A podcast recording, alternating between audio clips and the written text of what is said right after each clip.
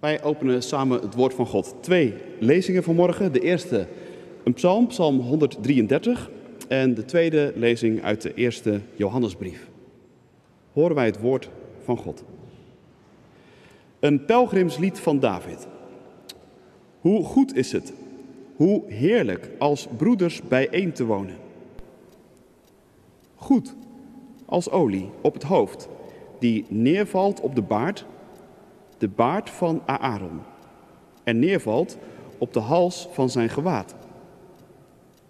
Als de dauw van de Hermon die neervalt op de bergen van Sion. Daar geeft de Heer zijn zegen. Leven voor altijd. Tot zover de eerste lezing. Geliefde broeders en zusters, laten wij elkaar lief hebben, want de liefde komt uit God voort. Ieder die lief heeft, is uit God geboren en kent God. Wie niet lief heeft, kent God niet. Want God is liefde. En hierin is Gods liefde aan ons geopenbaard. God heeft zijn enige zoon in de wereld gezonden, opdat wij door hem zouden leven. Het wezenlijke van de liefde is niet dat wij God hebben liefgehad, maar dat Hij ons heeft liefgehad en Zijn Zoon heeft gezonden om verzoening te brengen voor onze zonden. Geliefde broeders en zusters, als God ons zo heeft liefgehad, moeten ook wij elkaar liefhebben. Niemand heeft God ooit gezien, maar als wij elkaar liefhebben, blijft God in ons en is Zijn liefde in ons ten volle werkelijkheid geworden. Dat wij in Hem blijven en Hij in ons, weten we doordat Hij ons heeft laten delen in Zijn geest. En we hebben zelf gezien, waarvan we nu getuigen, dat de Vader Zijn Zoon gezonden heeft als redder van de wereld. Als iemand beleidt dat Jezus de Zoon van God is, blijft God in Hem en blijft Hij in God. Wij hebben Gods liefde, die in ons is, leren kennen en vertrouwen daarop. God is liefde. Wie in de liefde blijft, blijft in God en God blijft in hem. Zo is de liefde bij ons werkelijkheid geworden. En daardoor kunnen we op de dag van het oordeel vol vertrouwen zijn, want hoewel we nog in deze wereld zijn, zijn we als Jezus. De liefde laat geen ruimte voor angst.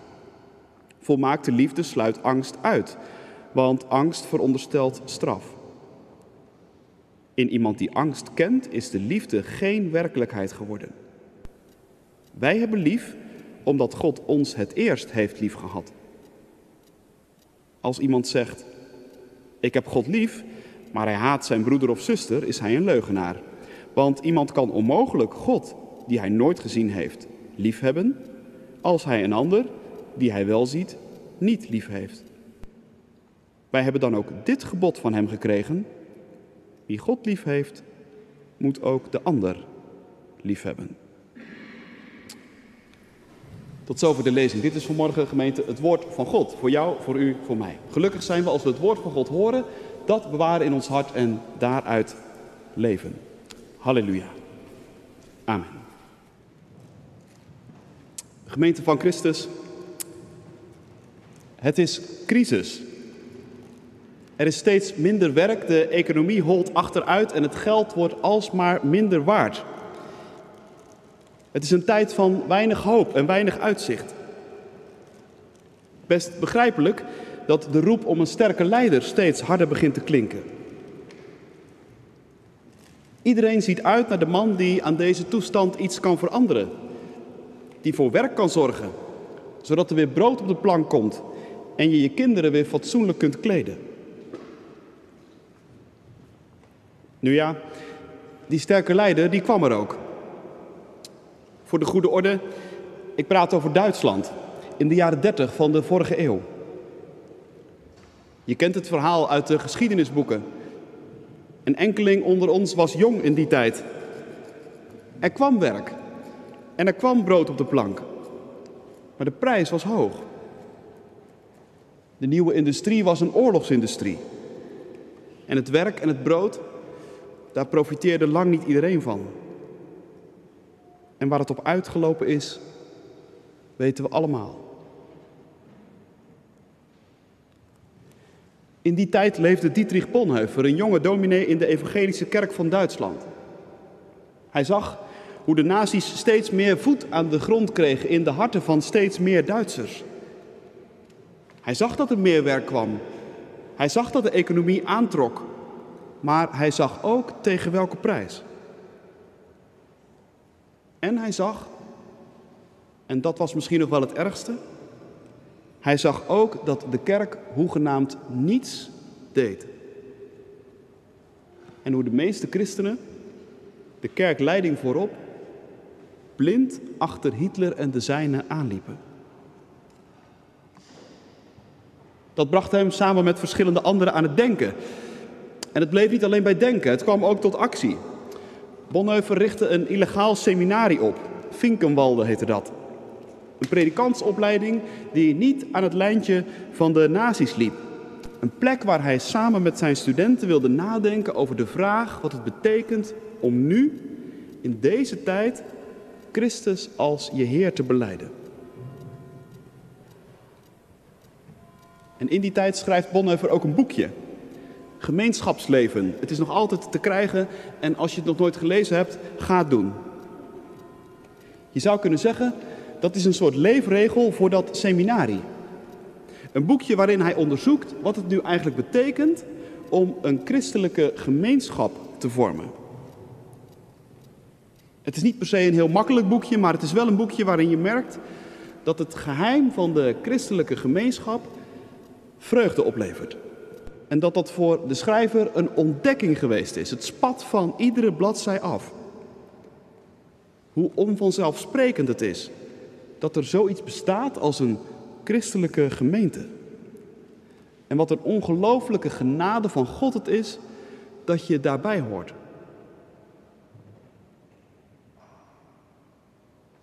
Het treft me dat juist in een tijd van crisis Bonhoeffer dit geheim opnieuw ontdekt. Dat heeft ook ons iets wel te zeggen, denk ik.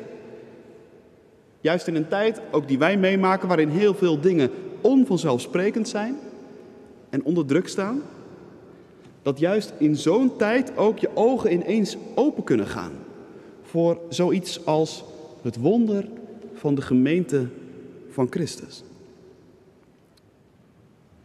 En niet voor niks geeft Bonhoeffer als motto aan dit boekje mee Psalm 133. Zie hoe goed en hoe liefelijk is het als broeders samen te wonen. Ik denk, Bonhoeffer was onder de indruk van het vreemde en het wonderlijke en het gekke eigenlijk van zoiets als de christelijke gemeente. En dat proefde hij ook in die Psalm 133. Want ook voor de maker van deze psalm is het echt niet zo vanzelfsprekend dat mensen werkelijk als broeders en zusters samenleven. Je merkt dat aan de manier waarop de woorden heel zorgvuldig gekozen zijn in deze korte, prachtige psalm. In het eerste zinnetje zitten meteen al een heleboel woorden, een paar woorden die sterk aan de eerste hoofdstukken van Genesis doen denken. Waar na elke scheppingsdag het refrein klinkt dat het zeer goed was. In dat eerste hoofdstuk van Genesis is het ook een en al verrassing en een en al verbazing. Dat het niet donker en duister is. En dat niet het water en de chaos altijd maar de overmacht hebben. Maar dat er iets is. Iets en niet niks. Dat er bomen zijn en dieren. Dat er een zon is en een maan. Dat er een dag en een nacht is en seizoenen. En dat jij er bent. En u. En ik. Als je daar even over nadenkt, dan is dat zo vreemd. Daar kun je helemaal in verdwalen in dat soort gedachten. Maar als er dan toch nog een keer gezegd wordt dat het goed is, zeer goed, dat je er bent, dan kun je je geluk toch gewoon haast niet op. Nou, zo moet je ook deze Psalm 133 lezen, als een lied van iemand die zijn geluk niet op kan. Zie, hoe zeer goed is het als broeders samen te wonen. Met andere woorden, heb dat alsjeblieft door. Dat het samenwonen als broeders, het met elkaar optrekken als een gemeente, dat dat eigenlijk net zo'n groot wonder is als het feit dat je überhaupt bestaat.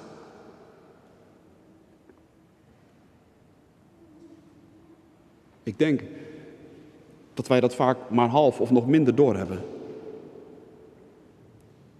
Dat we het eigenlijk maar heel normaal vinden dat je in de kerk nooit alleen bent, maar dat er een gemeente is.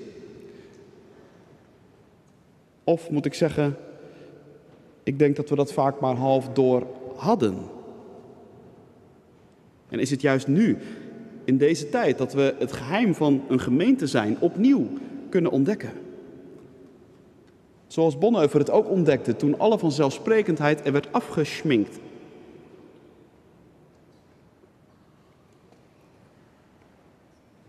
Hanna Dekker uit Amersfoort, 16 jaar, vertelde in Petrus, het magazine van de Protestantse Kerk, dat het voor haar zo is gegaan de afgelopen tijd. Kerk vond ze best wel eens een must, bekende ze. Maar de afgelopen maanden ontdekte ze pas hoezeer ze met haar 16 jaar de kerk eigenlijk miste.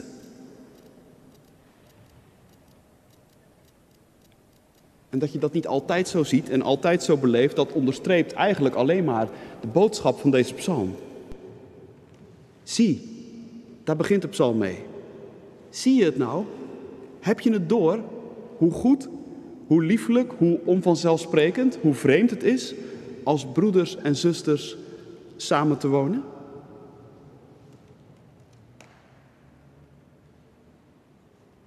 Ik zeg broeders en zusters, om misverstanden te voorkomen natuurlijk, maar er staat als broeders. En nu is dat net als dat eerste zinnetje dat het goed, zeer goed is. Ook het woord broeder is echte Genesis-taal. Het woord broeder is een woord dat een hele wereld aan gedachten wakker roept. Want als er nou in het boek Genesis en eigenlijk in heel de Bijbel iets niet vanzelfsprekend is, dan is het dat broers ook echt als broers samenleven. De eerste keer dat het in Genesis over broeders gaat, gaat het meteen over een broedermoord. Kain en Abel. En wat dacht je van die andere broers, waarvan de namen boekdelen spreken? Isaac en Ismaël. Jacob en Esau. Jozef en zijn broers. En dan heb ik het alleen nog maar over het boek Genesis.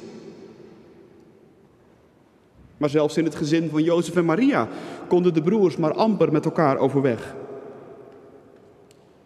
En de gelijkenissen van Jezus waarin broers voorkomen, die kunnen elkaar vaak niet uitstaan. En toch zegt deze psalm, zie hoe goed en hoe liefelijk is het als broeders samen te wonen. Dat is dus geen cynisme, maar dat is iets van een verlangen. Of misschien ook wel iets van een protest. Zo kun je het ook zien. Deze psalm legt zich niet zomaar neer bij de werkelijkheid.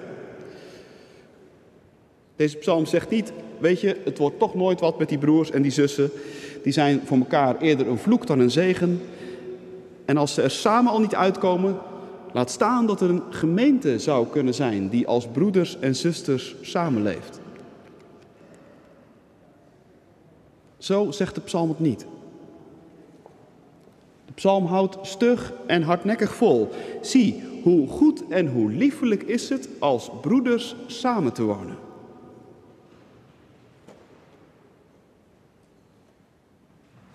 Oké, zeg je misschien. Maar hoe dan? Hoe ziet dat er dan uit? Wat stelt de maker van dit lied zich daar dan bij voor? Bij een gemeenschap waarin je als broeders en zusters samenleeft. Wat is daar nou zo bijzonder aan? Nou, daarover gaat het in de twee volgende versen. En de maker van het lied hangt het op aan twee beelden: de olie en de dauw. Hij zegt: Samenleven als broeders dat voelt als een soort, ik zei het net al, een soort frisse douche. Zoals je na een dag hard werken, een dag zweten in de zomerzon of een avond flink sporten onder de douche stapt, het water over je heen laat stromen. Zo voelt het ook wanneer je echt als broeders samenwoont. Daar knap je van op. Daar word je een ander mens van. Maar ik zei dat net ook al, het is wel een speciaal soort douche. Het is geen douche van water, maar het is een douche van olie. En je moet dan bedenken dat olie in de Bijbel zoiets is als parfum, dagcrème, badschuim en aftershave in één. Olie is iets heerlijks. Iets waar je van opknapt.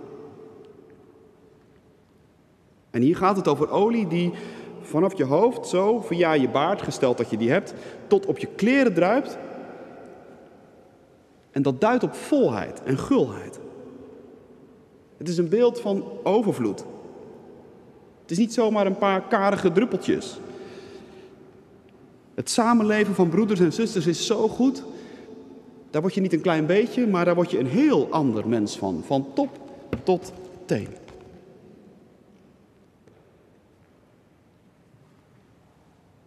Maar met het beeld van de olie wil ook nog iets anders gezegd zijn. Olie, daar knap je niet alleen van op. Maar olie werd ook gebruikt om te zalven. Samuel zalfde David tot koning, bijvoorbeeld. Mozes zalft zijn broer Aaron tot priester.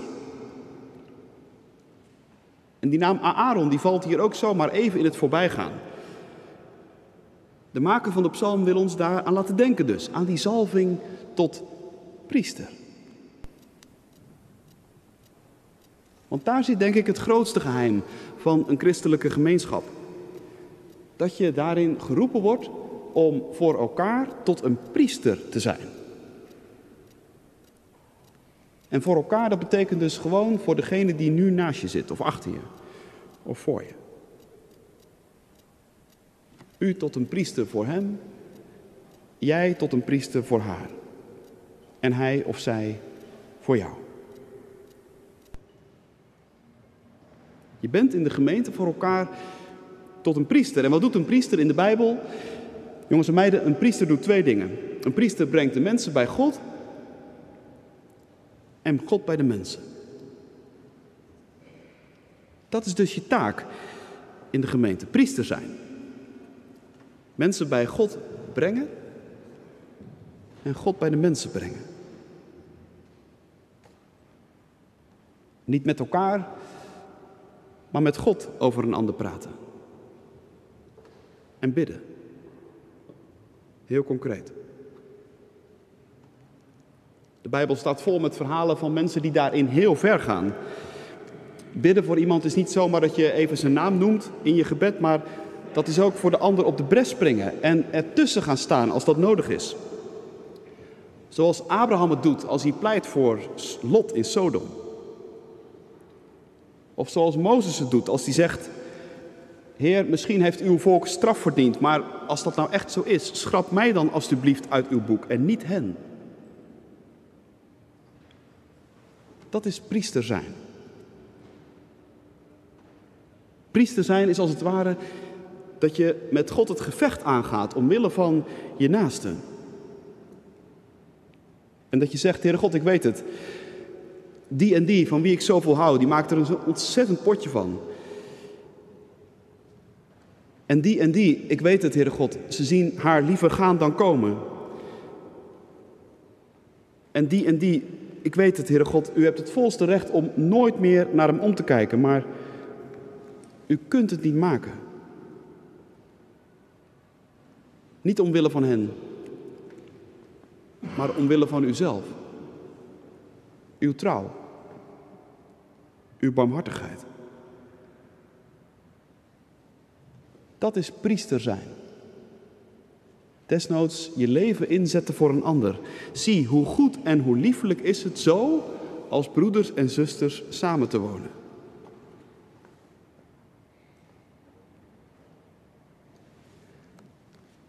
Dat is de ene kant van priester zijn. Je broeder en je zuster bij God brengen. Maar er is ook nog een andere kant. God bij je broeder of bij je zuster brengen. In alle gebrekkigheid iets van de liefde van Christus verspreiden. Bonhoeffer zegt het in zijn boekje heel scherp. Hij zegt: Een christen komt alleen maar tot Christus, alleen maar tot Christus via zijn broeder of zuster. Een christen in zichzelf is leeg en arm. Hij heeft het woord van God nodig om te kunnen leven. Het woord van God. Dat er tegen je wordt gezegd dat het zeer goed is. Dat je zonden vergeven zijn.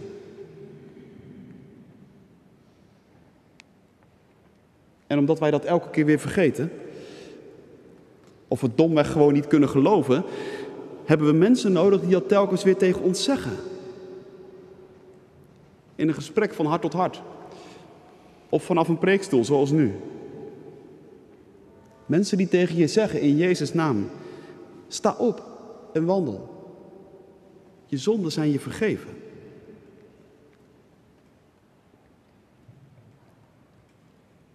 Ook dat is priester zijn. In je woorden en in je daden iets van God laten zien. In een harde wereld.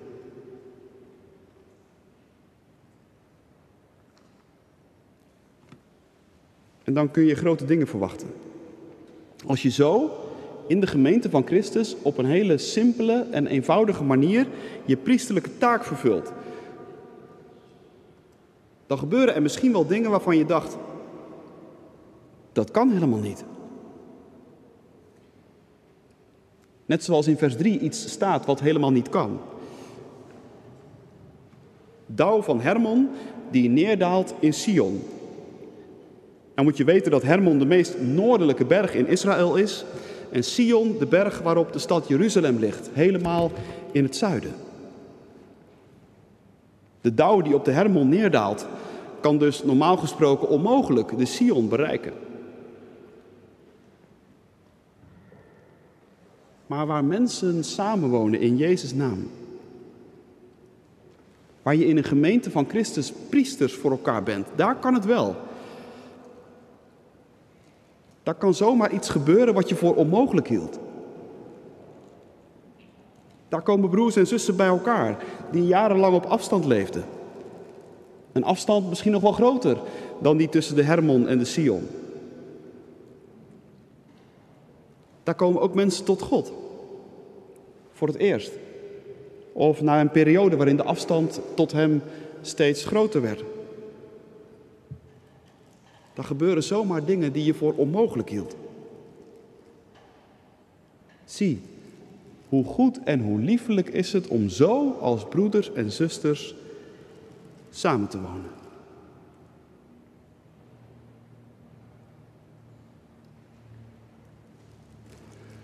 Tot slot. Het centrale werkwoord in deze psalm is het werkwoord neerdalen. En daar wil ik nog heel even apart bij stilstaan. We zagen het in de psalm die ging over olie, die neerdaalde. We gingen het, over, het ging over dauw die neerdaalde. De psalm maakt, om het zo te zeggen, voortdurend een beweging van boven naar beneden. En dat is niet alleen maar het gevolg van de zwaartekracht. Daar wil iets heel belangrijks mee gezegd zijn. Want dat woord neerdalen, dat zegt iets over God. Onze God is niet een God naar wie je met heel veel moeite omhoog moet werken. Nee, hij is een God die neerdaalt. Olie en dauw zakken als vanzelf naar beneden. En als je maar lang genoeg wacht, zoeken ze vanzelf het diepste punt op. En zo is God. Zo is God. Hij zoekt altijd het diepste punt op. Hierin is de liefde van God geopenbaard, zegt Johannes. Dat Hij zijn enige geboren zoon in de wereld gegeven heeft, opdat wij zouden leven door Hem. Wij dienen een God die niet bang is om neer te dalen. Die zich niet schaamt voor een stal en zelfs niet voor een kruis.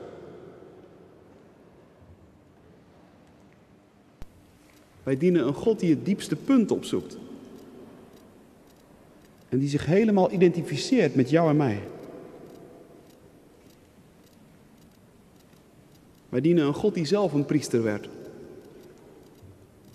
Die met zijn vader het gevecht aanging om jou en om u.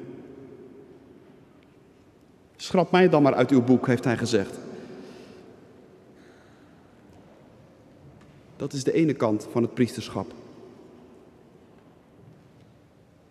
Maar in Jezus zie je ook die andere kant. Jezus is voor ons het gezicht van God. Wie mij gezien heeft, zegt Johannes, die heeft de Vader gezien. Zoals Christus is, zo is God. Vergeet dat nooit.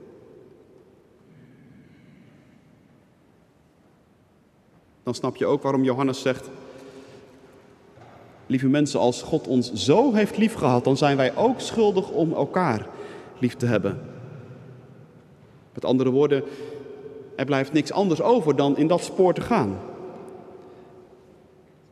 Om net als Christus het diepste punt op te zoeken. Het gevecht aangaan met God. Om het heil van je naaste.